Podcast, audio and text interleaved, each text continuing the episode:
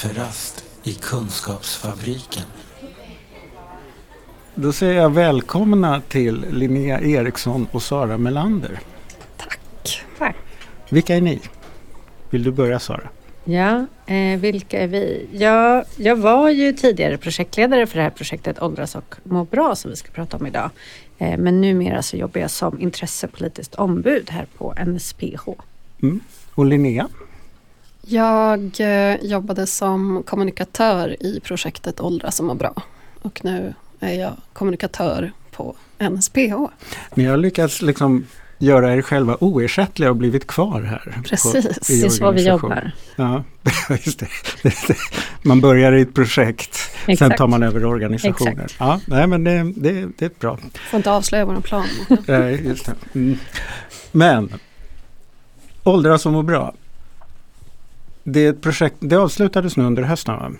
Precis, eh, sista oktober. Och då hade du hållit på i lite mer än tre år som normalt sett sådana här arvsfondsprojekt gör? Mm, det stämmer, vi höll på i tre och ett halvt år. Eh, det var ju så att under projektet så kom ju den här lilla pandemin som vi alla känner till lite för väl. Så att vi fick förlängt ytterligare ett halvår. Eh, så vi höll på i tre och ett halvt år. Just det. Och då kan man väl säga att pandemin var väl lite extra känslig för ert projekt eftersom ni jobbade mot målgruppen äldre. Mm, ja men det stämmer, äldre och äldre med psykisk ohälsa som ju dessutom då var en särskild riskgrupp för just eh, pandemin, eller under pandemin. Ja, just det. ja. Så att, stannade allt under pandemin eller hur, en del kunde ni ändå odla? Eh. Vi jobbade mycket med planering. Alltså under projektet så hade vi en en referensgrupp bestående av eh, bland annat tre äldre med egen erfarenhet eller anhörigerfarenhet av psykisk ohälsa. Som vi bollade med längs hela eh, den här eh, resan. resan. Precis. Och en av dem ska vi få träffa lite senare i avsnittet, Hasse. Exakt. Um, hela samhället var väl ganska lamslaget av, av den här pandemin. Och det var mycket snack om att man skulle skydda äldre, speciellt för att man såg att det var de som framförallt eh, får illa. Och då märkte vi att det fanns en stor rädsla och det uttryckte de här representanterna i referensgruppen också. Att det är många som är rädda, ingen vill ses, allt socialt umgänge har ställts in. Vi träffar inte ens våra barnbarn. Så det var ju under, under de förutsättningarna som vi för, försökte göra projektet som skulle bygga på att vi möttes och pratade. Ja, just det, för samtidigt, och, eh, samtidigt som det händer i målgruppen så ökar ju egentligen behovet av ert projekt. Mm. Samtidigt som det blir mycket svårare att göra det. Men Precis. Det var lite paradoxalt. Ja. ja men verkligen så. Och vi ska väl säga något om målet med projektet. Syftet var ju att både liksom hitta säga, egenmaktstärkande aktiviteter för äldre. Mm. Eh, för att prata om psykisk ohälsa och bryta stigma och sådana här mm. saker. Samtidigt som det handlade om att engagera äldre i att vara med och påverka den vård och omsorg som finns mm. för psykisk ohälsa. Och att liksom försöka nå fram till vården och till omsorgerna med förbättringsförslag och åtgärder och sådär. Mm. Och även om pandemin satte många käppar i hjulet så gjorde ni allt det här. Eh, exakt, eh, det gjorde vi ju på ett eller annat sätt och vi fick ju ehm, stanna upp projektet där en period. Jag fick gå lite på sparlåga och sen så startade vi upp det igen och då fick vi tänka om lite i de aktiviteter som vi hade tänkt ehm, eftersom vi då förlorade nästan ett år av det arbetet. Så vi fick ju göra saker i lite mindre tappning ehm, men göra det kanske lite extra bra istället. Och sen så fick vi tänka om och göra aktiviteter som vi också visste skulle leva kvar efter projektslut. Det kan vi väl nämna också att projektet i första hand utgick ju från Region Sörmland. Just det. Eh, mm. Men det vi har kommit fram till är ju aktuellt för hela landet och användbart för hela landet. Precis. Alltså ett av era resultat är ju snarare en gigantisk brukarundersökning ja, kan man säga, som man nog kan lägga över vilken region som helst. Mm. Och det kan vi väl också säga att när vi pratar om äldre lite slarvigt, det är ju en jättestor målgrupp och våran målgrupp i projektet är ju personer 65 och uppåt. Det är ju en enorm målgrupp. Vi har ju både träffat äldre som har levt länge med psykisk ohälsa som kanske har eh, fått en diagnos tidigare i livet. Men också äldre som har utvecklat psykisk ohälsa eh, senare i livet och som kanske inte alls är van att prata om de här frågorna. Så det har ju varit en jättestor målgrupp. Men eh, vilka var era huvudsakliga aktiviteter? Under år ett så eh, jobbade projektet mycket med att bygga kontakter och försöka nå ut och bara hitta vilka aktörer vi skulle jobba med. Um, och sen kom pandemin. Då fick man ställa in allting man hade planerat, lite samtalsgrupper och andra typer av träffar. Um, och i samband med det så hade vi också personalbyte. Både kommunikatören och projektledaren slutade med några månaders mellanrum. Um, och det var då jag och Sara kom in. Och det första vi började jobba med då var eh, att samla in äldres röster. Vi jobbade med, med fokusgrupper helt enkelt som då egenerfarna äldre höll i. Eh, så runt om i Sörmland höll vi de här fokusgrupperna och eh, försökte lyssna in helt enkelt vad äldre med psykisk ohälsa hade för behov eller bara vad de ville prata om. Eh, och det blev ju, jag tror inte vi hade tänkt att det skulle vara en sån jättestor aktivitet egentligen men vi märkte att det fanns ett sånt uppdämt behov av att prata om alla år man egentligen har varit i vården. Eh, det fanns så mycket vårdtrauman och bara allmänt någon som lyssnade. Eh, så det, det blev en ganska stor operation och det här ledde ju sen till att vi fortsatte göra samtalsgrupper eh, som vi också höll på olika orter i, i Sörmland. Och både för eh, folk med egen erfarenhet av psykisk ohälsa och anhöriga. Och sen eh, märkte vi också att den, de, de här fokusgrupperna funkade inte heller riktigt för alla i den målgruppen vi skulle nå utan vi, vi nådde eller vi nådde alla, alltså både som sådana som har diagnostiserad psykisk ohälsa och levt länge med det och eh, någon som kanske har fått depression eller ångest eller en diagnos på äldre dagar.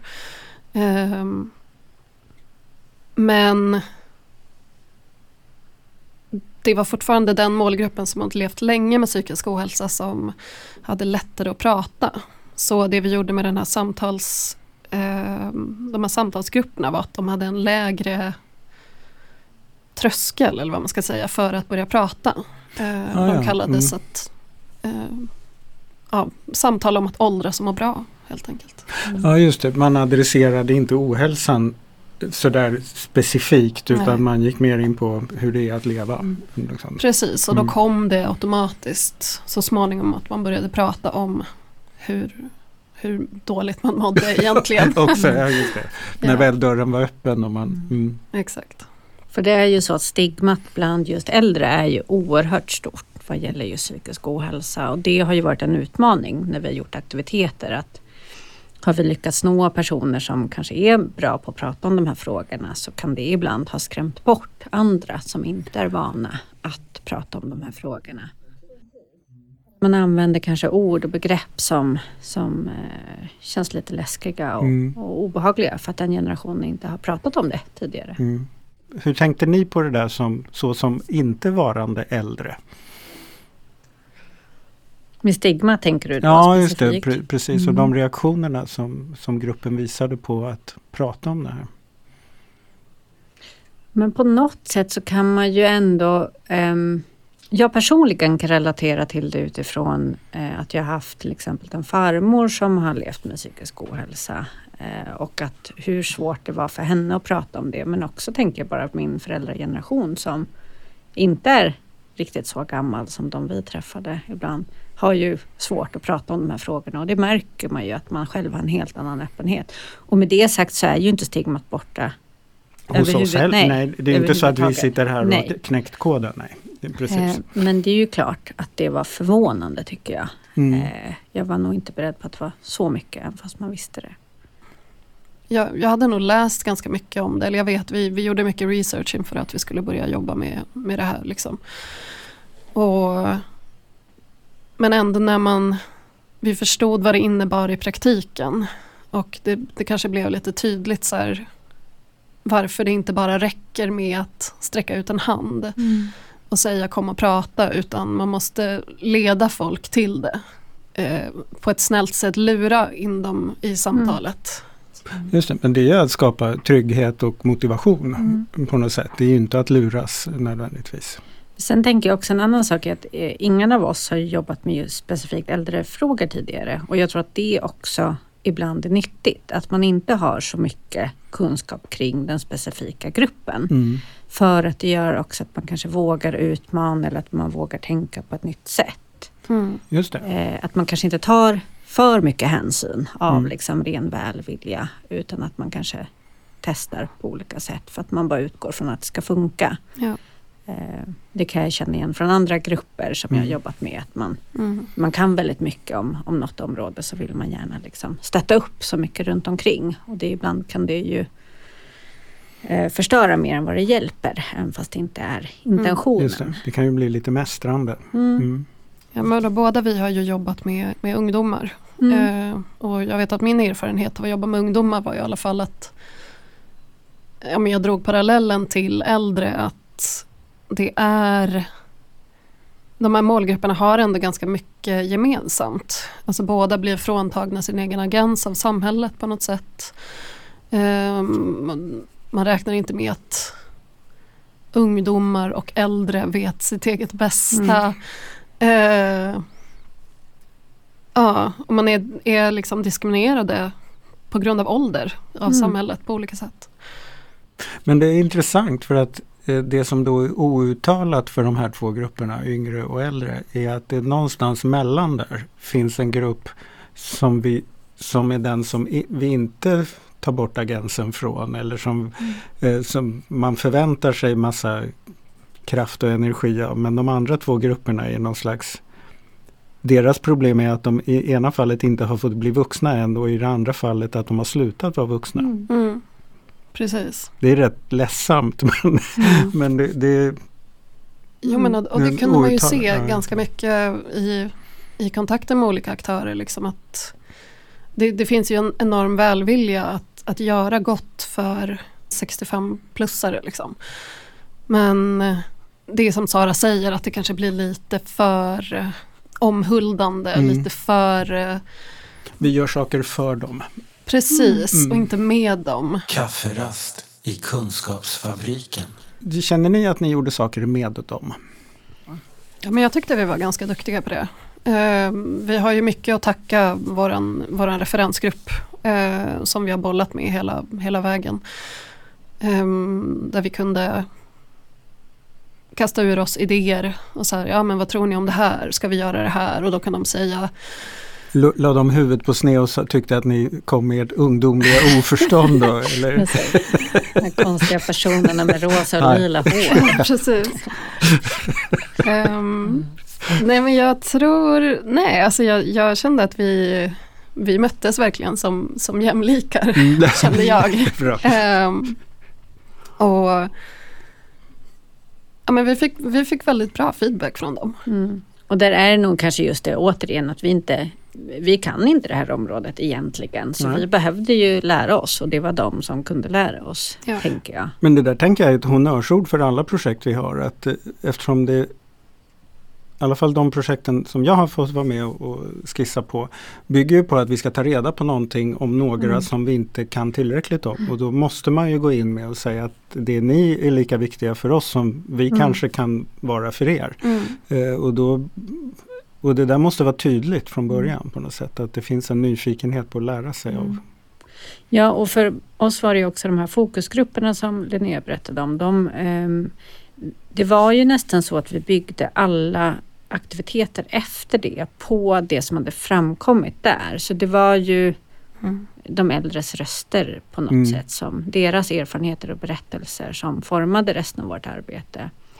Eh, och där ska vi väl säga att vi både träffade då äldre som eh, lever med psykisk ohälsa men vi träffade också äldre anhöriga eh, som är en grupp som vi inte heller kunde så mycket om. Nej.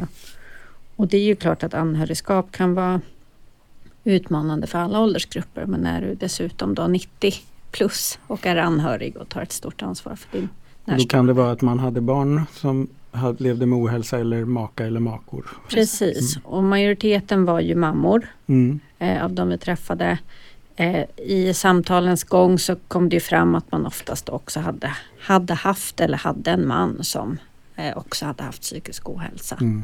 Eh, och efter ett tag till så blev det ju klart att man själv då hade också drabbats av psykisk ohälsa. Man hade kanske fått en utmattning eller en depression eller så. Mm. För det är ganska ansträngande att ta hand om andra. Ja, Mm. Vad resulterade det i för aktiviteter det ni fick fram från de här fokusgrupperna? Då? Samtalsgrupperna var ju en. Mm. Att det, det här är något som sörmlänningar måste få fortsätta prata om precis. Så På ett dels var det, sätt. var det samtalsgrupper och då tog vi eh, fram en ny samtalsövning som vi också utvecklade tillsammans med målgruppen. Mm. Eh, Vi såg behov av en ganska enkel samtalsövning som Linnea nämnde med en låg tröskel in. Och den hade vi både på svenska och eh, på finska. För att i Sörmland Ah, är det ju många Mm. eh, finskspråkiga äldre personer som bor. Så det Mm. fick vi som ett önskemål att vi skulle anordna även finska grupper. Och det blev ju ett väldigt uppskattat eh, forum. Mm. Eh, sen tog vi ju fram en, en eh, filmserie med tre eh, lite kortare filmer eh, som var ett möte över generationer och det hette Två generationer pratar om psykisk ohälsa och då fick vi träffa tre par, en äldre och en yngre person som eh, pratade just om sina erfarenheter av att leva med en specifik diagnos eller ohälsa. Det var ju en idé som Linnea formade utifrån eh, de här samtalen. Ja, men tanken föddes väl just ur att jag såg att det, det, det fanns mycket likheter mellan de här grupperna. Eh, och förhoppningen var väl också att de skulle kunna ge varandra lite perspektiv men kanske också lite kamplust. Eh, så de, de kände ju inte varandra sen, eh, sen innan vi rekryterade dem via eh, egna nätverk och sociala medier kan vi väl säga. Eh, och det blev en film som handlar om eh, ADHD. En som handlar om bipolär sjukdom och en som handlar om depression, utmattning, komplex PTSD och lite bredare Mm. ohälsa. Så. Se de filmerna för jag tycker de är, är både fina och tankeväckande på, på många sätt. Det handlar på ett bra sätt om både unga och äldre. Verkligen. Mm. Det som var så roligt var att vi tänkte ju inför att vi skulle behöva regissera ganska mycket och stötta i de här samtalen. Men det vi, vi var totalt överflödiga kan man väl säga. det, det, de skötte sig. Ja, det blev så otroliga samtal. Det var ju Mm. verkligen en otrolig upplevelse att vara med i rummet. När vi, vi fick så mycket material som vi fick klippa bort tyvärr. Och något som eh, slog oss lite när vi spelade in dem också var ju vilken skillnad det är eh, i vad man har fått för kunskap om sin psykiska ohälsa. Eh, Mm. Och det är ju klart att eh, vi har ju, kunskapen är ju mycket mer tillgänglig idag med internet och man kan söka sig fram till det mesta själv. Men också, tänker vi, Sara och Hasse som lever med bipolär sjukdom. Sara har fått gå massa kurser och lära sig jättemycket mm. bipolärskola och hennes närstående har fått massa Mm. hjälp och så. Och Hasse, när Hasse berättade vad han fick var det ju väldigt lite Ja. eh, i början. Och så så att, ja, verkligen det här kunskapsglappet eller så. Och i gengäld sitter de äldre kanske och har lärt sig av hela sitt liv Ja. kring den här diagnosen på ett sätt som eh, Mm. de unga inte har hunnit än. Exakt. Mm. Så att livsvisdomen finns ju Mm. ändå där. Jo men Ja. såklart, och det, Mm. precis. Men just det här vad man har fått för stöd från vården kopplat till eh, den sjukdom eller diagnos Mm. eller funktionsnedsättning. Eller Och när det gäller lever så fanns ju inte ens de Nej, diagnoserna nej men förr. exakt. Mm. Just det. Mm. Eh, Men ni tog fram en utbildning också? Mm. Eller tillsammans Precis. med... Vi gjorde jättemycket saker. Ja, det, Eh. det, precis. Tur att ni fick ett halvår förlängt i alla fall. Exakt, vi Ja. hade behövt två år. Eh, precis, vi tog fram en utbildning tillsammans med eh, Region Sörmland. Eh, Magnus Werner som jobbade med brukarinflytande i, på regionen där. Och det var en introduktionsutbildning utbildning för personal som möter äldre i sitt yrke. Det var som en introduktionskurs om, om åldrande och psykisk ohälsa. Mm. Den var inte med i planen från början egentligen utan vi märkte bara att det behovet fanns. Eh, och i och med pandemin, att vi inte kunde liksom prata med själva målgruppen så kom vi fram till att det kunde vara en bra idé. En bättre grej att göra när det ändå inte gick att vara ute på fältet. Ja, Exakt. Vi har ju testat den här utbildningen mot lite olika yrkesgrupper. Vi har träffat fysioterapeuter, arbetsterapeuter, fotvårdsspecialister som ju är en yrkesgrupp som man kanske inte tänker på mm. i första hand men som ju ändå återkommande träffar äldre personer och ganska länge. Man sitter ju typ nästan en timme i fotvård mm. och har samtal och att då kunna snappa upp de här behoven.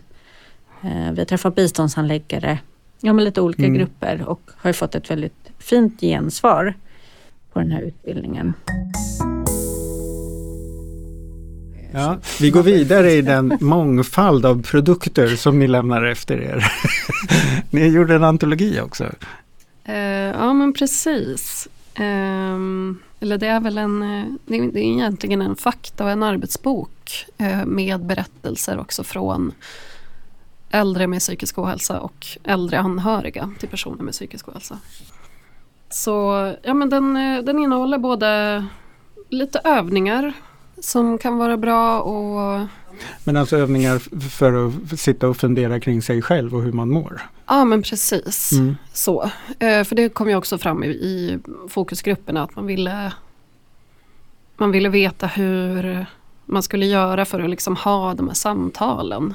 Mm. Mm. Eller hur, hur ska jag kunna lyssna på andra? Hur ska jag kunna identifiera mina egna känslor? Hur ska jag kunna hur ska jag göra när jag mår si och så? Liksom.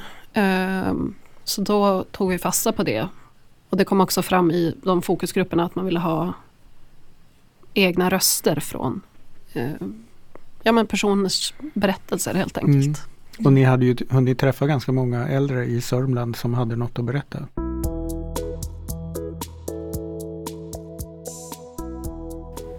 Jeanette är 63 år och bor i Sörmland med sina katter. Hennes dotter och barnbarn bor nära och de träffas ofta. Jeanette gillar att dansa zumba, men allra bäst gillar hon att vara själv hemma. Eller med barnbarnen som inte är lika jobbiga som vuxna, enligt Jeanette.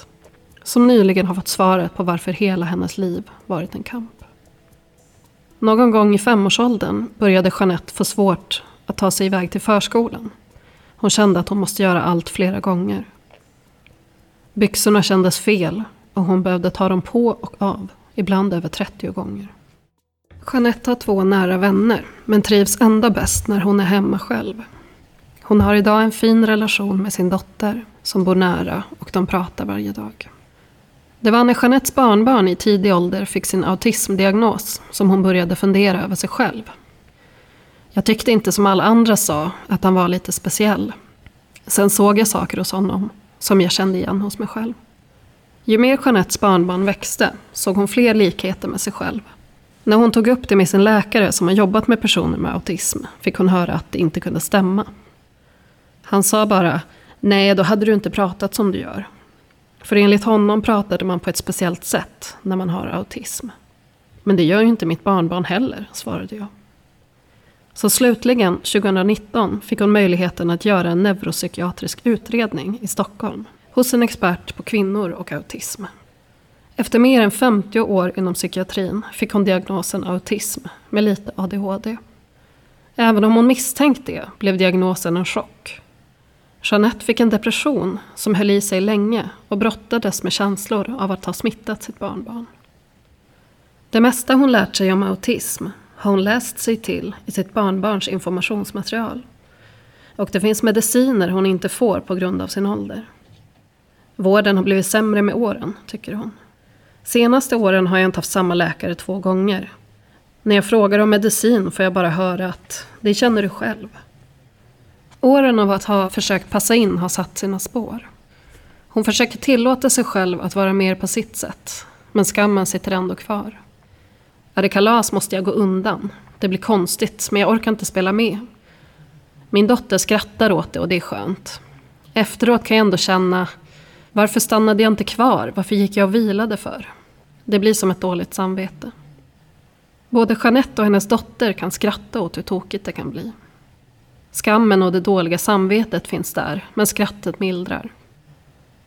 En fördel med att bli äldre är att hon tycker det är lättare att inte göra vad som förväntas av henne. Först nu när jag kommit upp i åren kan jag säga att jag vill vara hemma. Jag vill inte fika. Eller jag kan komma senare till träningen för att sippa fika med de andra innan. När jag var yngre gjorde jag sånt. Men det var ju så jobbigt. Det tar så mycket kraft. Jag trivs så bra hemma själv. Jag älskar det. Sen kan jag ju vara med mina barnbarn. De är inte lika jobbiga som vuxna kan vara. Känslan av att ha smittat sitt barnbarn har hon idag vänt till att hon kan hjälpa honom. Det har också gett henne en kämpaglöd. Hennes barnbarn ska inte behöva gå igenom samma sak som hon själv. Jag känner att ingen ska ha det så här tufft. Mitt barnbarn måste få växa upp i en värld där det inte är konstigt att ha autism.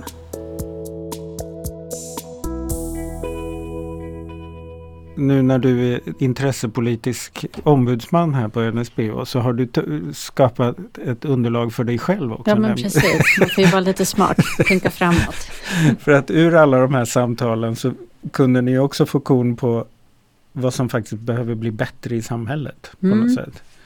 Men precis, och det var väl när vi började så var vi lite osäkra på omfånget och så. Eh, när vi började dokumentera äldres erfarenheter. Men så fanns det så mycket eh, viktigt stoff här som vi ville ta vara på. Så att vi samlade det i en rapport som heter Se mig hela livet om äldre med psykisk ohälsa och äldre anhöriga. Och det är ju en sammanställning av eh, den här dokumentationen av äldres erfarenheter som vi har gjort genom både fokusgrupper eh, men också genom eh, fördjupande intervjuer som vi höll för att vi ville undersöka vissa frågor ännu mer. Eh, och det är personer runt om i Sörmland som har deltagit i det här och det är personer från 60 upp till 85 som har delat med sig av sina berättelser. Eh, och det här har vi sedan då kokat ner till eh, olika identifierade utvecklingsområden kan man väl mm. säga. Där vi ser att här, här finns det brister vad gäller vård och omsorg för den här gruppen. Och eh, baserat på det så har vi lämnat förslag på vad vi som organisation tycker att det här borde man göra mer av eller borde man förbättra eller göra istället. Då. Det är ett gäng punkter, jag tror att jag räknade till 35 punkter egentligen eller att-satser med vad vi tycker att man borde göra istället. Men det handlar ju både om olika brister i vården, eh, att äldre uppfattar att eh, vård och omsorg uppfattas som otillgänglig idag. Eh, att man också önskar sig en annan typ av vård och omsorg än den man erbjuds. Vilket ju är anmärkningsvärt kan man ju tycka. Vad kan det vara att man önskar sig istället? Men ofta så handlar det om sociala insatser skulle jag säga. Mm. Många önskar sig stöd att ja, få komma ut, få ta sig till sociala aktiviteter. Det kan ju handla om uppsökande verksamhet någon som ringer och påminner eller tjatar lite. Många önskar sig också tillgång till samtalsstöd. Det är någonting som ja. har framkommit mm. i jättestor utsträckning. Eh, vi har ju återkommande fått höra berättelser om att man vill bara sätta in medicin eller ja, det är ingen som riktigt har tid att prata med mig eller mm. eh, ja, så samtalsstöd. Få någon, någon som kan lyssna helt mm. enkelt.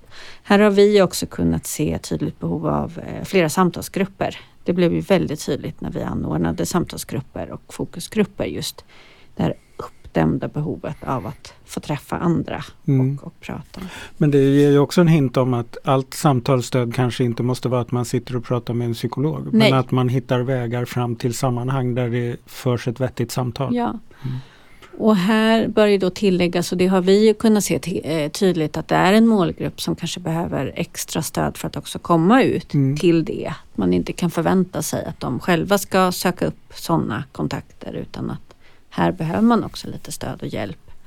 Där har vi ett jättefint citat i rapporten från en äldre anhörig som säger att jag är så tacksam för att du ringde och bjöd in till det här för jag hade aldrig orkat ta mig för det själv. Eh, och bara det att bli inbjuden och kanske någon som påminner dagen innan att imorgon ses vi, du kommer väl? Eh, att det kan göra en stor, stor skillnad. Vi ser också att det finns en väldigt stor risk att man faller mellan stolarna efter 65. Eh, det känner vi ju tyvärr till sedan tidigare men vi har också kunnat se exempel på det i det här arbetet. Och det handlar väl om eh, i första hand att man kan bli av med sociala insatser såsom eh, ja, men boendestöd till exempel.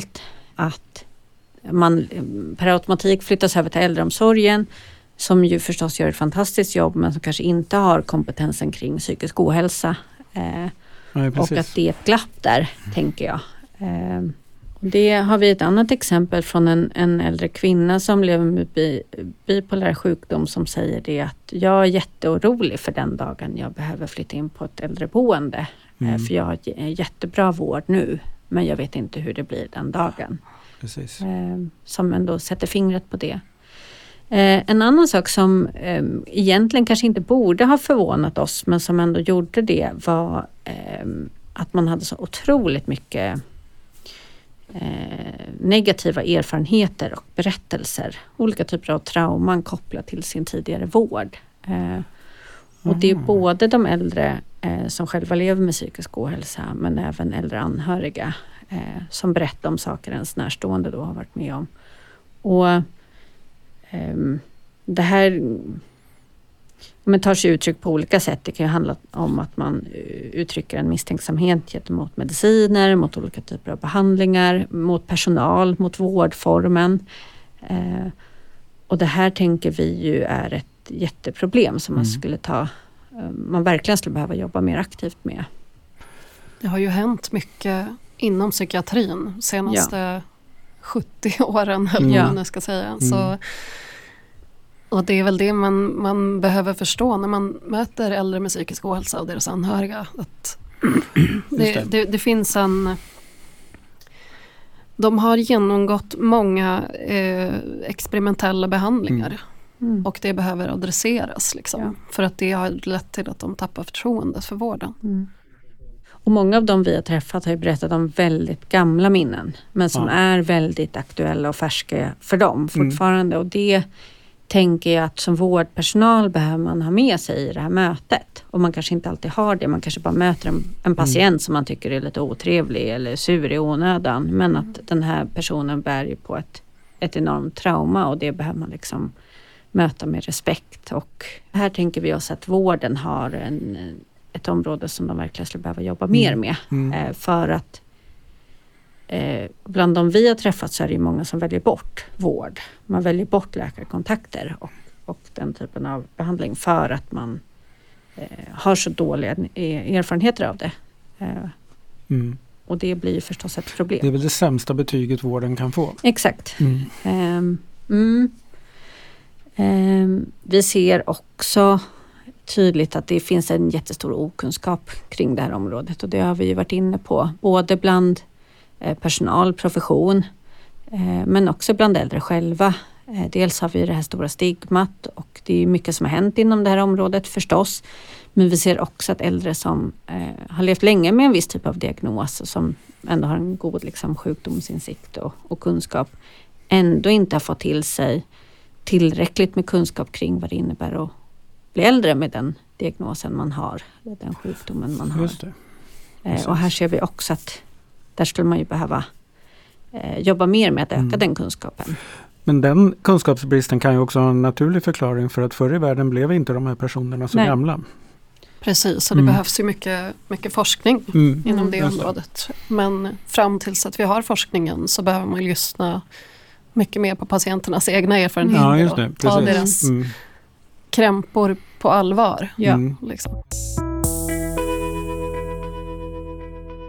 Eh, några andra sådana här eh, utvecklingsområden som vi har sett är ju det här behovet av sociala aktiviteter och eh, framförallt då samtalsgrupper. Det har vi varit inne på och här ser vi både behov för ehm, bland äldre som själva lever med psykisk ohälsa men också för äldre anhöriga. Eh, att det behövs särskilda grupper för det och just stöd att kunna ta sig. Eh, en viktig faktor här är ju också att eh, det här med ekonomin, att det är grupper som oftast har ganska dåliga ekonomiska förutsättningar och det behöver man också ha med sig när man planerar aktiviteter för just den här gruppen. Och sist men inte minst så är det ju det här med samverkan då. Det handlar ju både om samverkan mellan olika offentliga aktörer som kommun och region men vi vill ju också slå ett slag för samverkan med civilsamhället som ju gör eh, fantastiskt mycket för den här målgruppen. Och där vi tänker oss att skulle man kunna få till en bättre samverkan mellan de här olika aktörerna så skulle man också kunna lösa många av de här bekymren mm. som vi ser. Det såg vi också med våra samverkanspartners som kom både från kommunen och vården och ideella eh, sektorn. Att bara att vi möjliggjorde för dem att sitta i ett rum och prata och utbyta, ja man säga våra patienter har de här behoven. Ja men då borde de komma på den här samtals, eh, den här studiecirkeln mm. eller någonting sånt. Det var liksom så väldigt enkelt att förbättra situationen drastiskt. Och där ser vi just när det kommer till samverkan med civilsamhället att eh, ibland så behövs det stöd för det. Mm. Och inte minst skulle vi väl våga oss på att säga att regionerna och den regionala verksamheten skulle behöva stöd för att våga eh, samverka mer med civilsamhället. Just det. Och inte bara studiecirklar, jag tänker liksom alltså, ut i naturen, aktiviteter, alla de här hälsofrämjande mm. aktiviteterna. Mm. Laga mat, ja, från laga mat tillsammans, mm. lära sig mm. någonting tillsammans. Eh, bara mm. komma och träffas, röra på sig. Det finns ju väldigt mycket där. Precis, det är inget som hindrar att vårdcentralen i porten har ett samarbete med eh, gymmet. Nej. Nej. Mm. Eller pensionärsorganisationerna mm. för ja. sakens skull. Mm. Precis. Sen är det ju så med civilsamhället, det vi är bra på förutom då det här med att vi oftast kan målgruppen och så är ju att vi är lite mer snabbfotade. Vi kan ju vi kan ju göra saker utan att behöva dra det i långa byråkratiska processer internt så att säga. Just det. Jaha, vi behöver en stavgångsgrupp men ja. då kan vi börja på torsdag. Så Precis. Mm. Har ni reflexvästar bara så kör vi. Ja, mm. precis.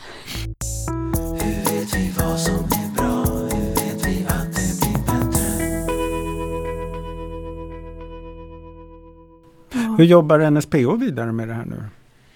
Eh, nej men vi fortsätter ju sprida den här kunskapen på olika sätt. Vi träffar ju olika myndigheter och eh, beslutsfattare och berättar mm. om, om vad vi kan och vet kring de här frågorna.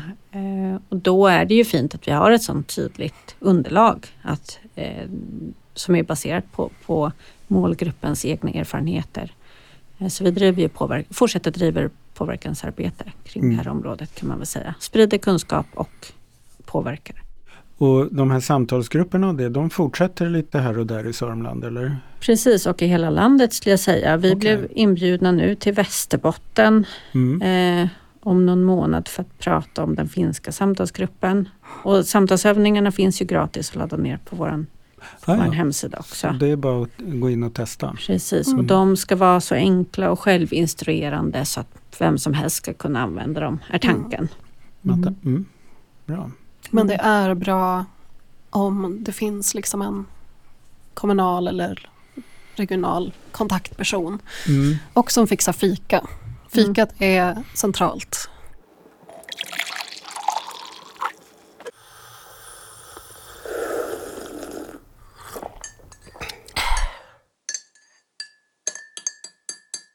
Vad lärde ni er då, ni två, nu? Man får prata lite mer i telefon med den här målgruppen. Än ja. Det chattas inte så mycket. Nej, mer precis. telefonsamtal. Alltså rent kommunikationsmässigt så, så funkar det ju på lite annat sätt. Mm. Eh, vi nådde ju ut väldigt bra via lokaltidningen till exempel. Eh, och det är väldigt viktigt med den personliga kontakten. Eh, mer så än vad, vad, min erfarenhet säger att det är i ungdomssammanhang. Mm. Men personligen så var det väl det här ja, men att just få utmana min egen syn på, på äldre. Mm. Och vad det är liksom att, att en, en äldre person, att alla blir äldre. Liksom. Mm. Ingen, eh, det, det, det, är finns... inte bara min, min farmor eller mormor och morfar. Liksom, utan alla blir äldre och vi, är personer även när vi blir Ja. äldre. Alla som är äldre har garanterat varit yngre. Mm. Ja. Annars hade de aldrig blivit äldre. Nej men så det var väl, för, för mig var det mycket det. Att eh, ja, jobba med mina egna föreställningar helt Mm. enkelt. Mm. Och få se den enorma erfarenhet och kompetens som man får av att ha levt så många år som Mm. Mm. många har gjort. Liksom. Ja, men det är absolut det. Ett, ett helt nytt område som, som jag har fått lära mig jättemycket om. Eh, och som du säger, att få utmana sig själv i det lite också. Sina egna fördomar och tankar. Men också, herregud vilket engagemang det också har varit. Eh, otroligt med alla de här personerna som har, som har deltagit. Och det vet jag att när vi började så var det många som sa, nej men det kommer vara så svårt att hitta målgruppen. Och det kommer vara så svårt att göra det här och det här. Mm.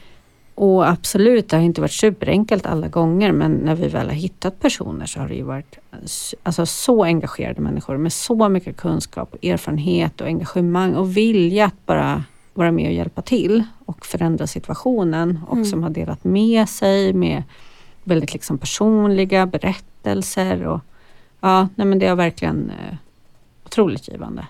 Och många som är 60 plus har ju en väldigt stark folkrörelsetradition. Ja. Jättefint. Ja. Mm. Och nu ska vi få träffa en av dem. Mm. Hasse. Som var, han blev samtal, han var satt i referensgrupp och han blev samtalsledare också. Mm. Mm. Precis. Och han är med i en av era filmer. Mm. Men innan vi tar in Hasse Bergström i samtalet kommer här en uppmaning. Ladda gärna ner och sprid de rapporter och material som Åldras och må bra-projektet lämnat efter sig. Rapporten, samtalsmaterialet, utbildningen, boken och filmerna som Linnea och Sara pratat om i det här avsnittet finns på vår hemsida. Gå in på www.nsph.se. Väl där klickar du på Så här påverkar vi och efter det på Projekt. Bland projekten väljer du Åldras och må bra. Och därmed säger vi Sara och Linnea stort tack för att ni tog er tid. Tack. Och nu ska ni få träffa Hasse Bergström från Eskilstuna. Hasse har många års erfarenhet av egen psykisk ohälsa och såväl kamratstöd som intressepolitiskt påverkansarbete inom RSMH, både lokalt och nationellt. Han har nyligen också gett ut boken Att leva med bipolär sjukdom, speglat i 50 år av psykiatrins historia. Vad fick dig att engagera dig i det här projektet, Hasse? Jag kände att jag ville gärna vara med. Eh, vad jag saknade här var att RSM och Eskilstuna försvann. Det har ju legat i träda i många år så att, eh, då kände jag att nu vill jag engagera mig igen. Det var inte så svårt. Så jag, ville gärna, jag hängde på och tyckte att det här var ett vettigt projekt. Och eh, det är jag tacksam för. Vi hade ju den här fokusgruppen i Eskilstuna med. Från början var vi nio stycken. Uh, fyra, fem kvinnor och fyra män. Och sen droppade männen av i rask takt. Ja, det är lite synd det där. Ja, och jag tror att det blev för känslosamt. Eh, Jag tror alltså, men det, utan att veta, men ja, det borde jag veta. Det är nog så. Män har lite svårt att prata om känslor och upplevelser. Kvinnorna har lättare för att komma in innanför skalet. Och, och det här var ju kvinnor i min egen ålder, något yngre, men alla över... Hela projektet handlar ju om ja, plus 65 tror jag. Man skulle vara i alla fall plus det. 60. Så att, Mm.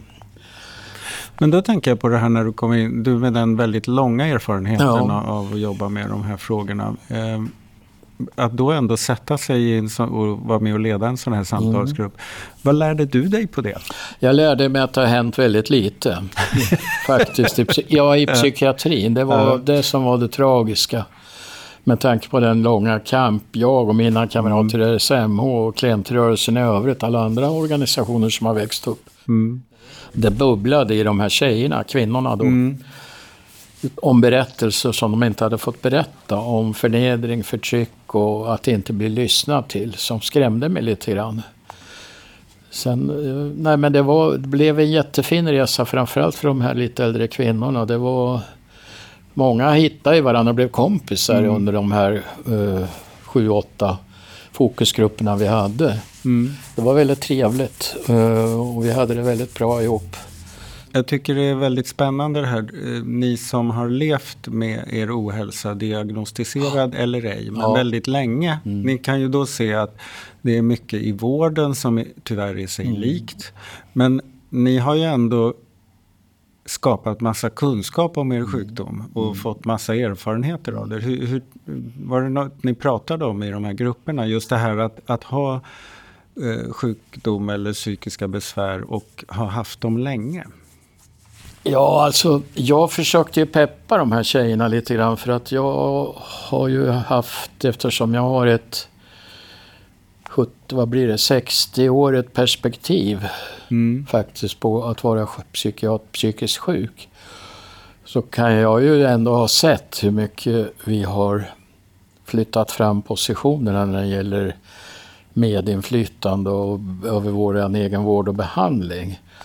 Att, eh, ja, alltså det, trots att man fortfarande har mycket kvar att göra så Mm. kan jag ju se att det har hänt väldigt mycket när det gäller självbestämmande och möjligheter att eh, Ja, just diskutera vår egen vård och behandling. Och, och försökt peppa dem och säga ni, ni, att ni måste stå på er. De Mm. stärktes oerhört mycket av det här och för första gången blev de lyssnade till. Så egentligen tycker jag det är lite synd. Vi borde ha kunnat följt upp det här på något sätt lite bättre. Ja, det är inte för sent. Vi kan Nej. försöka göra det på något ja, sätt. något, även om något sätt, inte en reunion så här. Jag Mm. tror det kan vara bra. Ett skäl till att göra det är ju att eh, jag träffade eh, Region Sörmland här eh, i förra veckan och de har ju allt, hela det, vad ska man säga, inventeringen som projektet gjorde av Mm. vad brukare i äldre personer med psykisk ohälsa Mm. i Sörmland tycker är, funkar dåligt. Mm. Hela den listan har ju de tagit med som ett underlag i hur de ska jobba med äldre och psykisk ohälsa. Så att Mm. det som är projektets förbättringsområden Mm. eller förslag till förbättringsområden har man anammat där och då finns det ju all anledning att eh, fortsätta umgå, eh, Mm. ha dialogen med de här målgrupperna via de samtalsgrupper som ni hade för att se liksom, hur Mm. det går. Eh, för att utvärdera det man försöker Mm. förbättra. Så att det, det, det där kan vi ju försöka fortsätta och se till att Mm. ni som var med i projektet kan fortsätta att ha dialogen med regionen även om projektet inte finns Absolut. kvar. Det tycker jag vi bestämmer, att Ja. vi försöker. Ja, nej men absolut. Jag tycker det skulle vara Mm. väldigt spännande och intressant. Jag tror det skulle vara väldigt uppskattat av det var framförallt två kvinnor som var väldigt aktiva och som också hittade varandra och blev Mm. någon slags kompisar. Mm. De hade aldrig träffat varandra innan. Så att det, haft, det hade mycket positiva sidoeffekter, de här gru- fokusgrupperna.